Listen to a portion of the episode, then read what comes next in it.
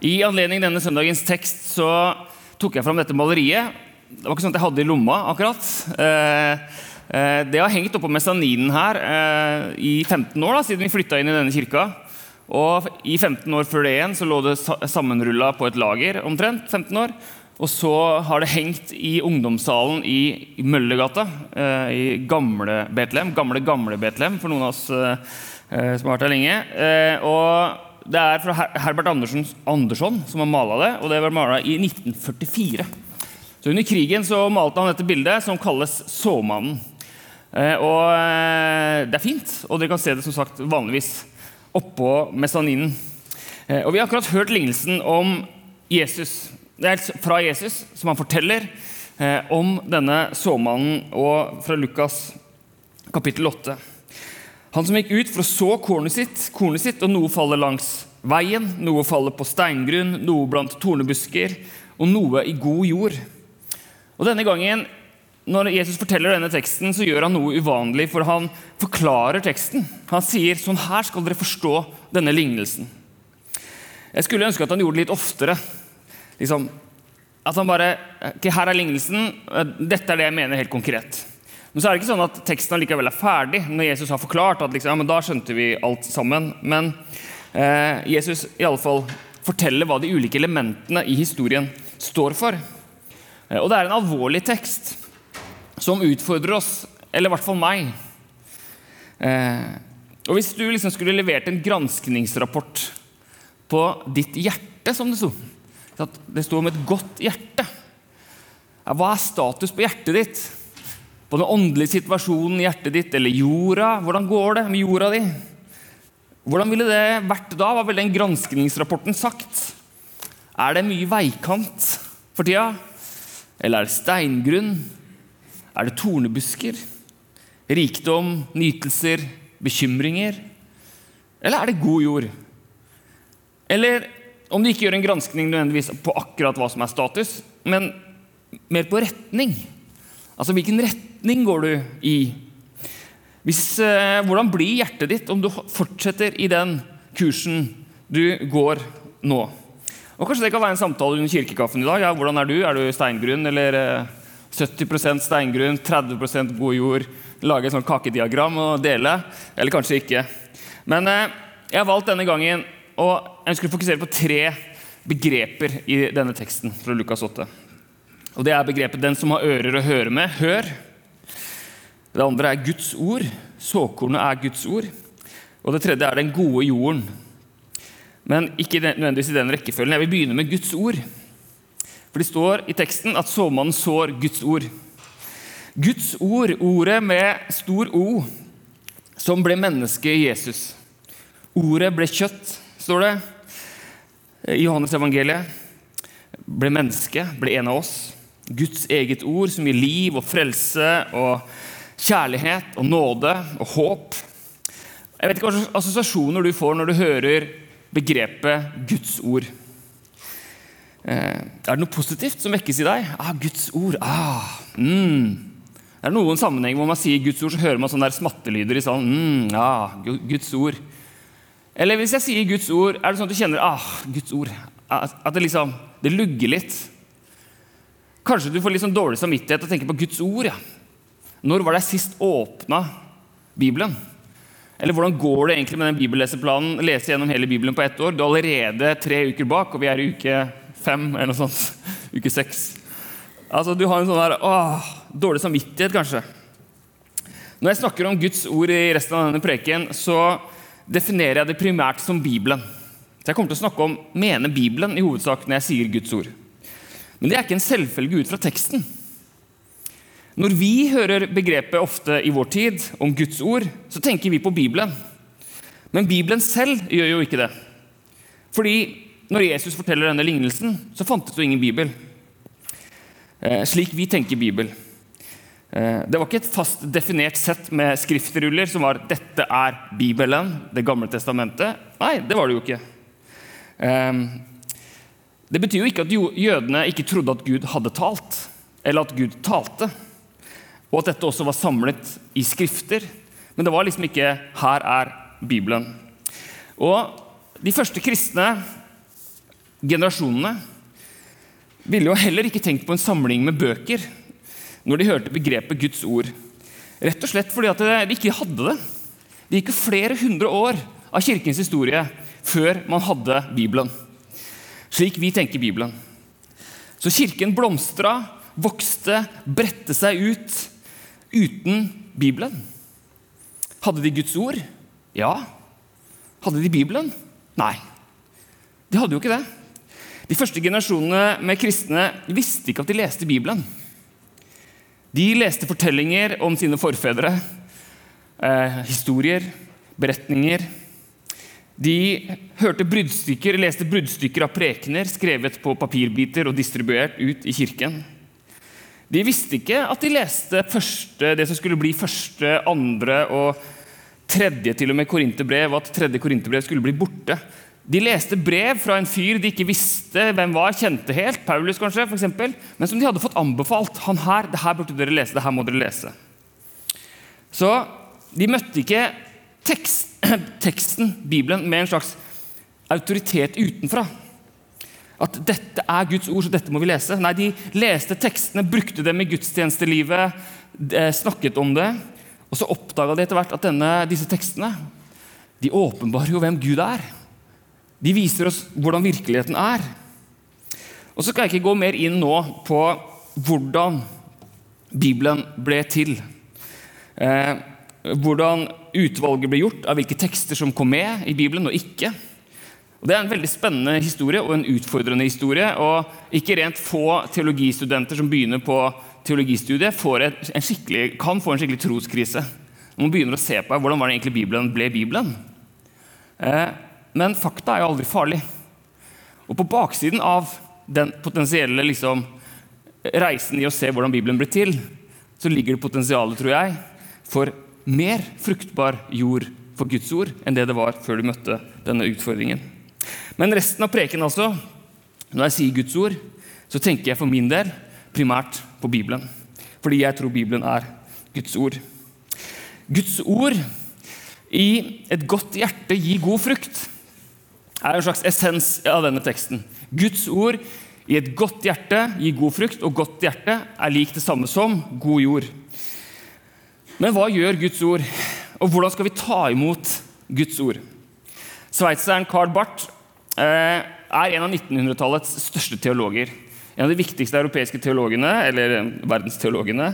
Og han gjorde en enorm innsats i å frigjøre Bibelen fra universitetet og de vitenskapelige undersøkelsene og fagteologene til å få Bibelen ut igjen til folket. Han eh, skrev mye om det og var opptatt av det. Og han var på høyden av sin karriere i mellomkrigsårene. Kanskje også når Harbart Andersson, denne maleren, malte sine bilder, så jobba Carl Barth nede i Europa med teologi. Og når eh, Europa var på vei inn i krig i 1930-årene, så mente Carl Barth og de som fulgte han, at Bibelen forteller oss mer hva som skjer, hva som er virkelig, enn det journalistene og nyhetsrapportene og politikerne gjør. Bibelen viser oss virkeligheten på noe vis. Og Så utfordra Barth oss til å lese Bibelen på en mottagende, lyttende måte. Han fikk frem hvor levende Bibelen er.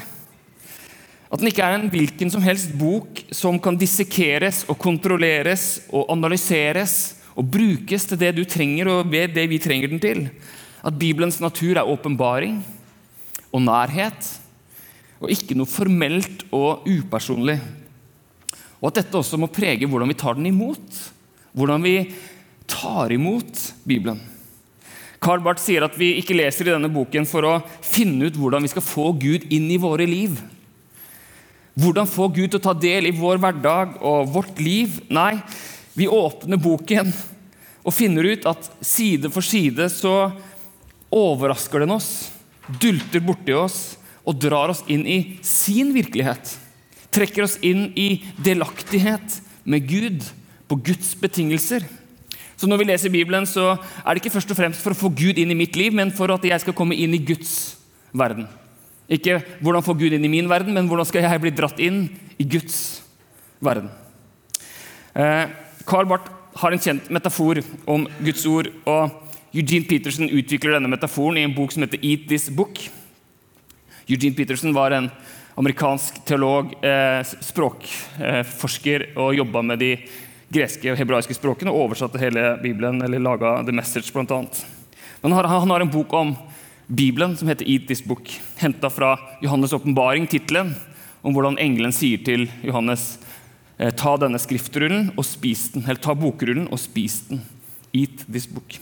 Men denne metaforen som Carl Barth har om Guds ord, han sier at Se for deg en lagerbygning, en enorm lagerbygning hvor det bor mange mennesker inni denne lagerbygningen.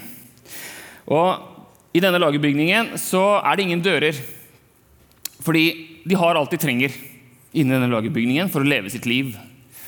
Eh, det er ingen vind eller det er noen vinduer der, litt høyt oppå veggene. Men disse vinduene er fullstendig fulle av skitt og støv, så man kan ikke se ut. Men det er liksom ingen som har tenkt at det trenger vi. Fordi at eh, de har alt de trenger innenfor denne lagerbygningen. Det dekker alle deres behov, det de har innenfor veggene.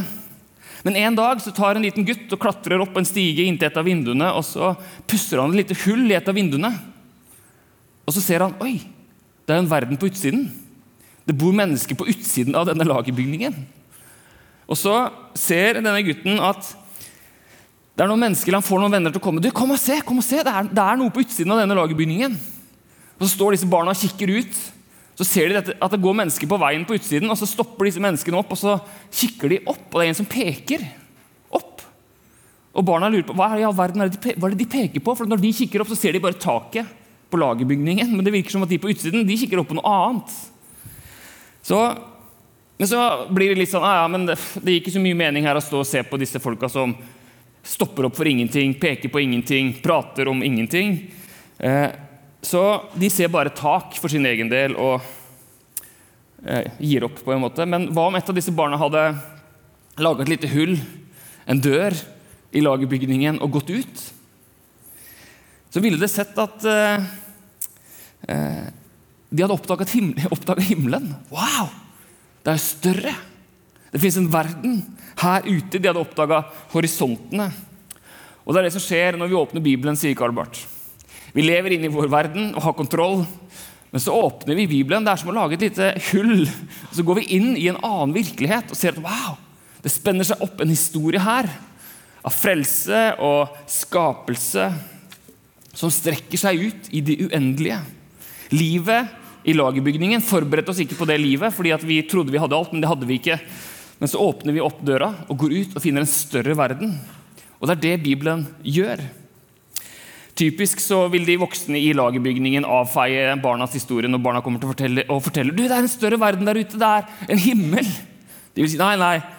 Altså, hva er det for noe tull? Altså, vi har, her har vi kontroll inni vår lagerbygning. Her kan vi hvordan ting fungerer. Her har vi våre systemer. Og vi vil ikke høre om den fortellingen, historien om hva som skjer på utsiden av denne bygningen. Men Karl Barth utfordrer oss til å gå ut, åpne opp døra altså åpne opp Bibelen og gå ut i en større fortelling. Guds fortelling. Så Vi leser ikke Bibelen for å få Gud inn i vår verden, men vi leser Bibelen for å gå inn i Guds verden. En større verden. Eh, Guds ord kobler oss på en fortelling som er større enn oss. Det kobler oss til Guds familie gjennom alle tider. Og Guds ord former vår identitet. Og Hvis vi vil holde på vår identitet som Guds folk, tilhøre Kirken, ja, da må vi være oppmerksom på hva Gud gjør, på hvem Gud er. Og da må vi, som Eugene Peterson sier, 'eat this book'.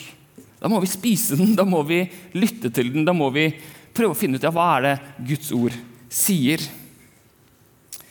Guds ord i et godt hjerte gir god frukt. Som sagt, essensen av denne Lukas 8-lignelsen. Og hva er egentlig alternativet? Det er mange i dag som vil synes det er rart og provoserende å høre at noen har Bibelen som autoritativ tekst for livet. Altså Bibelen. Og kanskje det gjelder deg. Altså Nei, men kjære, Du kan jo ikke ha Bibelen som en autoritativ tekst for livet i dag. Men man kan jo spørre tilbake men hva slags autoritativ tekst har du for ditt liv? Billedlig eller konkret? Hvilken fortelling er det du er rotfesta i? Hvilken fortelling gir deg mening og retning? Er det årets bestselger? Er det alle mastergradene og doktorgradsavhandlingene? Er det det siste nye innen vitenskap? Er det stemmene på toppen av podkastlistene? Altså, hvilken tekst er det du lytter til i ditt liv? Hvilken, er, hvilken tekst har du som kilde, som autoritativ tekst i ditt liv? Og Det kan være mye godt på alle disse tingene. Eh, men eh, Eugene Peterson igjen, han sier at det vi læres opp i dag, fra dag én, fra alle kanter, er at, er at det er du som er autoritativ tekst i ditt liv. Det er du som er teksten du skal leve ut fra. Ditt suverene selv, som ifølge Petersen bytter ut den hellige treenighet, Faderen, Sønnen og Ånden, med den nye treenighet, som man kaller det, de hellige behov, de hellige lengsler og de hellige følelser. Og som jeg var inne på en preken i august i fjor, snakka om Carl Trumans bok og hans beskrivelse av det moderne selvet. Det selvet som søker innover. At jeg liksom må finne kilden, alle kildene i meg selv. Jeg må finne mening og glede og retning og sannhet i meg selv. For det finnes ingen, finnes ingen retning utenfor. Det finnes ikke noe som kommer til meg utenfra fra en såmann eller Gud eller hvem det måtte være. Nei, jeg må søke innover i meg selv som gir en utrolig stor vekt og tyngde på ditt eget liv. Du må fikse ditt eget liv. Og Dette som Carl Truman kaller en ekspressiv, ekspressiv individualisme. At jeg eh, må aleine finne ut retningen. Og Eugene Peterson sier at denne teksten, denne, dette budskapet om at det er du som er teksten, det er du som er autoriteten i ditt liv, det er ikke bare en fare for alle andre som ikke nødvendigvis definerer seg som troende, eller som ikke har en tekst som autoritet. Men det er også en utfordring for oss, som er døpt i den treende Guds navn. Vi kan også reelt ende opp med å putte vårt suverene selv i sentrum for hva som er autoritet. Den nye treenighet kan lett styre showet. og Det er også mulig å ha respekt for Bibelen. og liksom, ja, Bibelen er viktig. Men reelt så er det den nye treenigheten, de hellige lengsler, hellige ønsker og, og hellige, behov, hellige, behov, og hellige følelser som styrer showet. Eh, vi bytter ut vår hellige bibel med vårt hellige selv. Guds ord i et godt hjerte gir god frukt. Og godt hjerte er som god jord. Og vi har noe stående der, jeg skal se på det etterpå. Men ja, jord, god jord Jeg Skal se på det etterpå, men ja, jord, god jord Jeg kan ikke så mye om det her, jeg, eh, men jeg vet i hvert fall noe om hva som er det motsatte. Og det står jo også i lignelsen Jesus forteller. Hva er det som kjennetegner eh, der hvor såkornet ikke fikk tak? Altså på veien, steingrunn og tornbusk, tornebuskene. Jo, fellestrekk, et fellestrekk er jo hardhet. Det er hardt. Og jeg lurer på om en utfordring for meg og for oss er hardhet. Eh, som gjør at ikke vi tar imot Guds ord. Og hvordan ser hardhet ut da, i omgang med Guds ord? Jeg tenker kanskje at hardhet, veien, steingrunnen, buskene, kan handle om stolthet stolthet. Igjen det suverene selv. Men at en underliggende årsak til stolthet kan være at vi glemmer hvem som er subjekt. At det er Guds ord. Det er Gud, ikke mitt. Jeg tror vi på mange ulike måter kan gjøre oss harde, sånn at ordet ikke får rot i vårt hjerte når vi forsøker å eie teksten. At vi møter Bibelen som at den er noe vi kan kontrollere, styre, manipulere, systematisere og bruke. Så bruker vi denne boka som om det var en hal, et objekt, istedenfor at det er Guds levende ord. Tenker, og det tenker jeg kan skje både når vi prøver å få tekstene til å harmonere med vårt eh, suverene selv, den nye treenighet. Men det kan også være når vi kommer til Bibelen som om den er en slags magisk bok, hvor vi kan bruke vår intellektuelle kapasitet og tolkningsarbeid til å liksom finne svaret på kodene, på den nøyaktige tolkning. Og så ka-ching, så vil Gud belønne det. liksom. Ja, der fant du riktig kode. Ka-ching, nå videre. Nå vokste du i modenhet. At vi tenker at, at, at jeg eier denne her, og jeg skal bruke den og finne ut av den, eller jeg bare lar den være liksom den er. Den er en slags en av mange ting jeg bruker for å finne ut hva som tjener mitt suverene selv. Kanskje kan det være stolthet over din egen kapasitet eller din egen disiplin. At du er så god på å lese Guds ord. Men så har du egentlig slutta å lytte for lenge siden. Fordi du tenker at ja, men jeg kan, jeg kan disse historiene. Det er noen ganger barna mine sier å, vi hadde den historien igjen på barnekirken. For de kan alle historiene. så de, de, de, hører ikke lenger nye ting i historien om den barberte samaritan. For det, jeg kan den historien. ikke sant? Men så sier jeg til de at bare vent. Sånn, gjennom hele livet, hvis du virkelig lytter, så vil du kanskje oppdage nye ting. Ikke minst, ikke nødvendigvis fordi teksten har endra seg, men fordi du har endra deg. Altså Hvis du åpner Bibelen og leser en tekst en dag, og så gjør du det samme en uke etterpå, ja, så er det annerledes. Fordi det har, skjedd, det har vært en uke imellom. Og du er annerledes. Og verden er annerledes. Så hvordan vi leser Hvis vi har en sånn stolthet ved at ja, men jeg kan, jeg kan dette her Ja, men kanskje du skal si at ja, men så, kanskje det er noe nytt. Jeg lurer også på om noen ganger at stolthet kan se ut som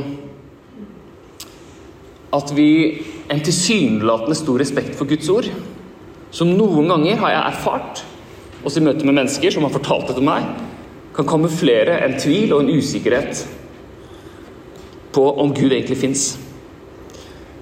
Så jeg klamrer meg midt til min tolkning av tekstene. Og hvis ikke min tolkning av tekstene funker, så blir Gud borte. Eller stolthet som at vi selvsagt i 2023 vet mye bedre enn en flere tusen år gammel bok. Altså, Hva visste disse folka her, liksom? Så gjør vi hjertene våre harde for visdommen og ordet som har forma vårt folk gjennom alle tider, eller gjennom mange tider. Så hardhet og stolthet, at vi på tvers av ulike ståsteder i teologiske spørsmål reelt stiller oss over teksten og gjør oss til subjekt. At vi møter Bibelen reelt som at Gud ikke fins. Enten ved at vi tenker at Gud ikke kan finnes, så derfor så gjør vi som vi vil med teksten. Eller at Gud trakk seg tilbake, men etterlot oss bare med en bok. Så vi må finne ut alt og gjøre alt rett etter boken, eller så blir Gud borte. Så mister vi Gud. Siste punktet på hardhet. Eh, kanskje kjenner du når du hører ordet Guds ord, at du liksom, som jeg sa innledningsvis, at du bare åh, det er vanskelig. Eh, og kanskje har du blitt hard fordi at du har trengt å beskytte deg sjøl. Eller har, det har av seg selv utvikla seg en sånn hardhet fordi at noen har brukt Guds ord Ofte Guds ord sier kolon som et våpen mot deg. Og så har du liksom bare Ja, men jeg klarer ikke å ta det imot lenger. Eller kanskje du har hørt, levd lenge og har erfart at mange som hadde en veldig høy bekjennelse på Guds ufeilbarlige ord, viste seg å leve et dobbelt liv, eller misbrukte sin posisjon, som gjør at når du hører noen nå si Guds ord, så kjenner du bare ah, liksom, Det er krevende. At det lukker seg, kanskje. At du ikke klarer å være åpen fordi at du har erfaring at det, liksom, det har vært brukt mot deg. Eller kanskje du Kanskje det har utvikla seg en hardhet, en nødvendig hardhet, fordi at du har vært med i et destruktivt åndelig miljø. Eh, og var det noe de kunne gjøre i det miljøet, så var det å begrunne sin praksis med konkrete bibelvers. Og så har du lukka igjen. Og det er forståelig. Men kanskje du skal kutte en liten dør ut av din lagerbygning og ut av din hardhet igjen og se er det noe i denne fortellingen. Er det noe i i denne boka? Er det noe Gud vil si meg? Eugene Peterson sier at vi kan behandle Bibelen som en ting. Som en hard ting. Som et objekt. Et upersonlig, en upersonlig autoritet. Noe vi kan bruke som en front og til å dømme eller definere andre. For å unngå selv å deale med Guds ord i vårt eget liv. Og på en ydmyk, relasjonell og overgitt måte ta imot Guds ord selv. Ok, Guds ord i et godt hjerte gir god frukt. Så hvis det motsatte av god jord er hardhet, hva er da eh, hva er det motsatte? Eller hva er, det, hva er god jord? Jeg tenker kanskje at det handler om ydmykhet. At god jord handler om ydmykhet. Eh, jord, som jeg har et lite eksempel på her, er jo fleksibelt. Åpent. Den jorda her er ikke rein. Den er ikke, det er, altså det er, er urein. Det er sikkert bakterier, masse liv, og organismer oppi her. og Det er rester av gammelt, gammelt liv, og det er pinner og gjødsel og alle mulige slags andre ting oppi her. Eh, men jorda er åpen. Mottagelig. Eh, potensialet fins der. Og kanskje tenker jeg, eller jeg, jeg, jeg spør da om det handler om ydmykhet. At ok, Gud, det er ikke jeg som er i sentrum. Kom med ditt ord. Tal til meg. En ydmykhet på at jeg har ikke forstått alt. En ydmykhet som, som handler om at man har stor tillit til Guds ord. Men en enda større ydmykhet for min egen tolkning av det, eller min forståelse av det. Ydmykhet på at jeg ikke eier ordet. Jeg eier ikke definisjonsmakten. Det er Gud som gjør det. Det er Gud som er subjekt. Det er han som handler. Autoriteten ligger hos Gud. Og Guds ord, ikke min forståelse av Gud og Guds ord. En slags Ok, Gud, jeg bare overgir. Jeg overgir det til deg. Eh, at Guds tanker er over våre tanker, og Guds veier er over våre veier. Så hvordan er vi Hva handler ydmykhet om, da? Hvis ikke det er hardhet, men det er ydmykhet, er hvordan kan vi øve oss i det Ja, jeg tenker Et annet begrep i teksten, det siste begrepet, kan kanskje hjelpe oss. Hvor Jesus sier 'Den som har ører å høre med, hør'. Hør. Lytt. Vær oppmerksom. Det er fullt mulig å høre noe uten å lytte. At disse tingene inni øret, ambolten og hesten og hva heter det, stigbøylen og trommehinnen, hører signaler, men du får ikke egentlig ikke med deg hva du sier. Og jeg ser at det er noen ektepar som liksom smiler litt, og det høres ut som deg. Du, hører, du hører ektefellen kanskje noen ganger dele noe, og så bare tar du deg sjøl og tenker at vet du, nå får jeg ikke med meg noen ting. Jeg snakker ikke for meg sjøl her, Therese. Eh, nå får jeg ikke med meg noen ting, for jeg sitter og tenker på noe annet. Altså, lyden er jo der. Teksten er jo der, men jeg er ikke mottagelig, for jeg er så full av meg sjøl eller mine egne tanker. Uh, ja, det, å, det, er mulig å høre lyd uten å lytte. Uh, men man kan også, hvis man lytter, høre nye ting og oppdage nye ting. Uh, jeg husker en gang åtte år inn i vårt ekteskap eller noe sånt, hvor Therese fortalte noe sårbart og skikkelig viktig og modig. Og jeg var sånn Wow! Tenk at vi har kjent hverandre så lenge. Tror jeg jeg sa. Og det, her har jeg aldri hørt før. Tenk at vi kan bli kjent med hverandre og lære nye ting. Fortsatt. Og da svarte hun Jeg har sagt det mange ganger, du har bare ikke hørt etter. uh, men det er forskjell på å lytte og å lytte. Å høre og å lytte, det er ulike ting. Og Det finnes masse begreper om det her. Vi skal ikke gå inn i det nå. Aktiv lytting. Lytte, virkelig sette seg inn i den andres historie. Noen ganger så hører vi bare for å, mens vi forbereder et motinnlegg. Jeg bare hører sånn at jeg får nok informasjon til å kunne forberede et svar. Men det å faktisk lytte og Kanskje du har det sånn nå at du egentlig ikke hører hva jeg preker om. Du sitter og tenker på noe helt annet. Hallo, hallo. Ja. Men eh, det er forskjell på å lytte og virkelig lytte. Så hvordan ser det ut å virkelig lytte til Guds ord? Altså Det tror jeg kan gjøres på mange måter. Jeg skal ikke gå inn på det nå. Men la oss eh, øve oss i ydmykhet. At Gud, eh, vi eh, trenger deg. Og vi ønsker ikke å være subjekt i egne liv. Det er ofte ikke det går så veldig bra hvis man bare tenker at jeg skal bare lytte til meg sjøl. Men eh, la oss øve oss på å lytte til Guds ord. Og som sagt, Guds ord, De første kristne hadde jo ikke Bibelen. Så Gud er jo aktiv også, ikke sant? Men at også gjennom Bibelen vi kan høre Guds ord. Jeg skal gi en konkret utfordring nå til slutt. Eh, jeg skal si et sitat først av Stian Kilde Aarebrot, som eh, kommer opp her, som har skrevet denne boka som heter eh, 'Å gjøre og høre', som handler om bibelbruk. Men han sier, Stian å møte Bibelen er noe mer enn å lese en bok der vi oss, forholder oss til innholdet med en vurderende distanse. Hva skjer når vi i fellesskap leser Bibelen og så trår inn i den med fantasi og grubbel? Og hva skjer når vi etter å ha levd oss inn i bibelteksten begynner å leve med den ved å leve den ut de neste ukene? Plastisk bibelbruk, som man kaller det, som er undertittel på boka, handler om å leve med tekstene for å la seg forme. Det er en bibelbruk som binder sammen tanke og kropp, individ og fellesskap, kontemplasjon og aksjon. Og det er det som står på baksiden av denne boken. Og helt konkret nå eh, Tre torsdager i mars her, Det har det ikke vært en preken som en reklame, jeg vil bare fortelle om det.